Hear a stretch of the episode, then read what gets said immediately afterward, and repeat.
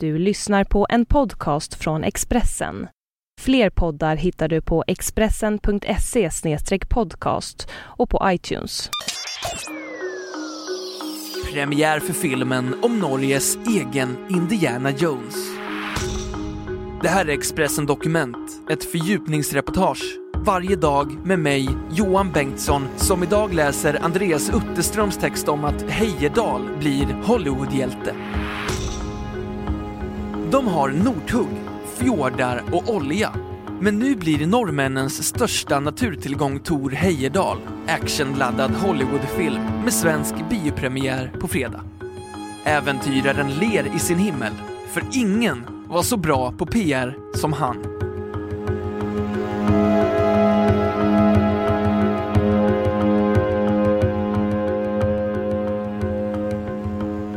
På ett sätt var han som alla andra. Tor Heyerdahl studerade biologi, geografi och antropologi och drömde sig ut i världen. Men han var inte den som hade lust att jobba i flera år med någon akademisk avhandling som ingen skulle orka läsa. Heyerdahl hade helt andra planer. Han föddes i norska Larvik 1914 och var tidigt intresserad av andra kulturer.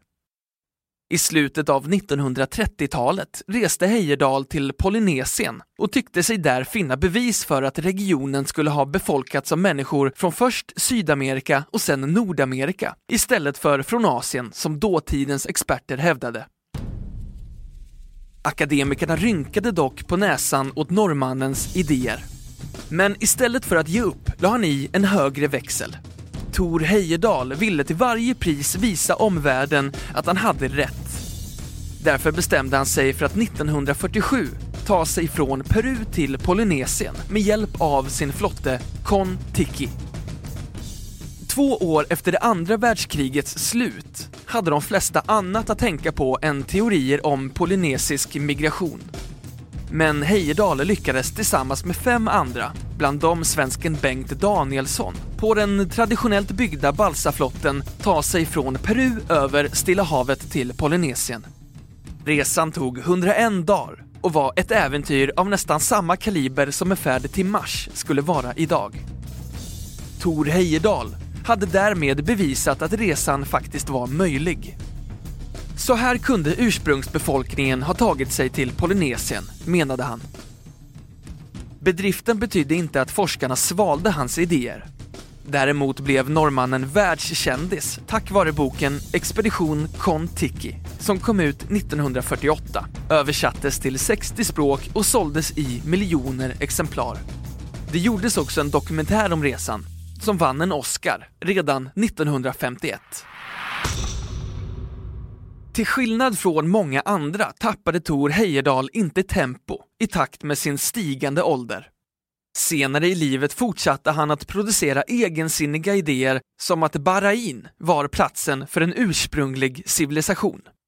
Han gjorde också expeditioner med Ra 1 och Ra 2, kopior av fornegyptiska papyrusskepp. Med åren vann Heyerdahl också respekt på bred front för att ha uppmärksammat problem med både havsföroreningar och befolkningstillväxt. När han dog 2002 blev det statsbegravning i Norge. En av Heyerdahls kanske mest betydande insatser var förmågan att väcka upptäckarlust hos andra. En av dem som fascinerades, trots att han föddes först 25 år efter flottfärden, var äventyraren Ola Skinnarmo. I tioårsåldern läste han Kon-Tiki-boken och besökte också Heyerdahls utställning i Norge. Som barn hade jag ingen tanke på att bli äventyrare, men Heyerdahl gjorde ändå stort intryck på mig. Med åren blev han en inspirationskälla, säger Ola Skinnarmo. Han har, liksom Heyerdahl, aldrig sökt forskarnas bekräftelse, men känner igen sig i professorernas skepsis. Många akademiker är människor som sätter större tilltro till att sitta och fundera på saker än att ta reda på dem i praktiken. Det var just den inställningen som Tor fick problem med. Men historikern Axel Andersson, som 2010 utkom med boken A Hero for the Atomic Age, Tor Heyerdahl and the Kon-Tiki Expedition, menar att den karismatiske norrmannen medvetet överdrev sitt utanförskap. Heyerdahl hade visst stöd från akademikerna, både före och efter Kontiki-expeditionen.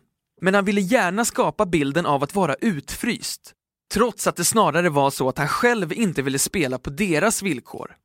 Heyerdahl var en fantastisk entreprenör när det gällde att sälja sin egen historia, säger Axel Andersson.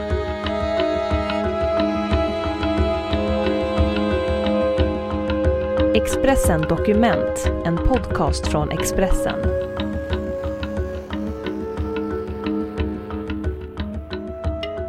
Flera decennier innan varumärkesexperterna hade börjat föröka sig som bananflugor insåg Tor Heyerdahl att journalisterna inte kan stå emot en bra historia. En sån övervinner allt. Kritiska frågor, till exempel. För ingen reporter vill ju spräcka en bra story. Det vet arkeologen Martin Rundqvist, som är ordförande i föreningen Vetenskap och fortbildning. En sammanslutning känd för att dra lans mot vad den uppfattar som pseudovetenskap. Han har studerat Tor Heyerdahl och menar att den norske äventyraren levde i en parallellvärld där det inte fanns något som helst intresse av att skapa kunskap som var till gagn för forskningen. Heyerdahl hade egentligen inget källmaterial. Han tog aldrig avstamp i den forskning som fanns, utan menade istället att det skulle kunna vara si eller så, säger han. En sån hållning lämpar sig väl för filmmanus. Den 22 mars är det svensk biopremiär för Kon-Tiki, där Gustav Skarsgård spelar den svenska besättningsmannen Bengt Danielsson. Att Tor Heyerdahls strapatser blir påkostad äventyrsfilm först nu är lite märkligt. Den givna Hollywood-ingrediensen har länge funnits där. En underdog som kämpar inte bara mot eliten, utan också mot naturkrafterna. Bernt Eklund, Expressens rutinerade filmskribent, tror att hantverkskunnandet först idag har kommit ifatt historien. När man väl kommit ut på havet är spelutrymmet begränsat, men med den moderna digitala tekniken kan man nu få liv och stämning i berättelsen. En person som tyckte att det fanns både liv och stämning i Kon-Tiki är den norska äventyraren Liv Arnesen. Hon sitter med i styrelsen för The Tor Heyerdahl Institute och hoppas att det åttaåriga barnbarnet och hans kompisar nu ska få upp ögonen för mannen som inspirerat henne till stordåd som att ensam åka skidor till Sydpolen. För mig är Heyerdahl en djärv forskare som kommer nya teorier. Det krävs mod för att våga tänka i nya banor och jag hoppas att uppmärksamheten kring honom kan bidra till att skapa nya drömmar hos den unga generationen, säger hon. Skeptikern Martin Rönnqvist blev inte alls förvånad när han fick höra talas om att den 101 dagar långa flottfärden skulle hamna på vita duken. Äventyrsfilm är en helt logisk fortsättning på sagan om Heyerdahl. Själv hade jag nog föredragit en mer kritisk hållning. Jag hade gärna sett en film om en person som har helt fel, men som ändå fortsätter driva sina projekt med stor besatthet.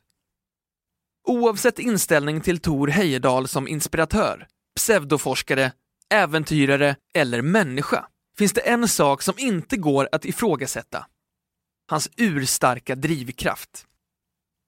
Historikern Axel Andersson tror att det blir svårt för framtida våghalsar att matcha Heyerdahl. Han verkade i slutet av upptäcktsresandets tid, i den sista lilla lågan innan traditionen försvann. Heyerdahl var kanske den sista stora äventyraren.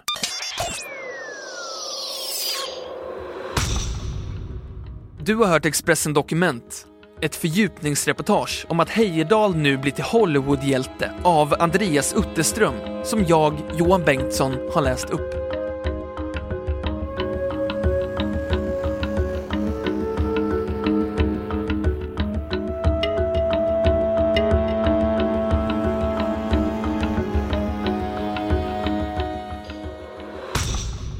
Du har lyssnat på en podcast från Expressen. Ansvarig utgivare är Thomas Mattsson. Fler poddar finns på Expressen.se och på iTunes. Ett poddtips från Podplay. I fallen jag aldrig glömmer djupdyker Hasse Aro i arbetet bakom några av Sveriges mest uppseendeväckande brottsutredningar. Går vi in med hemlig telefonavlyssning och, och då upplever vi att vi får en total förändring av hans beteende. Vad är det som händer nu? Vem är det som läcker? Och så säger han att jag är kriminell, jag har varit kriminell i hela mitt liv men att mörda ett barn, där går min gräns.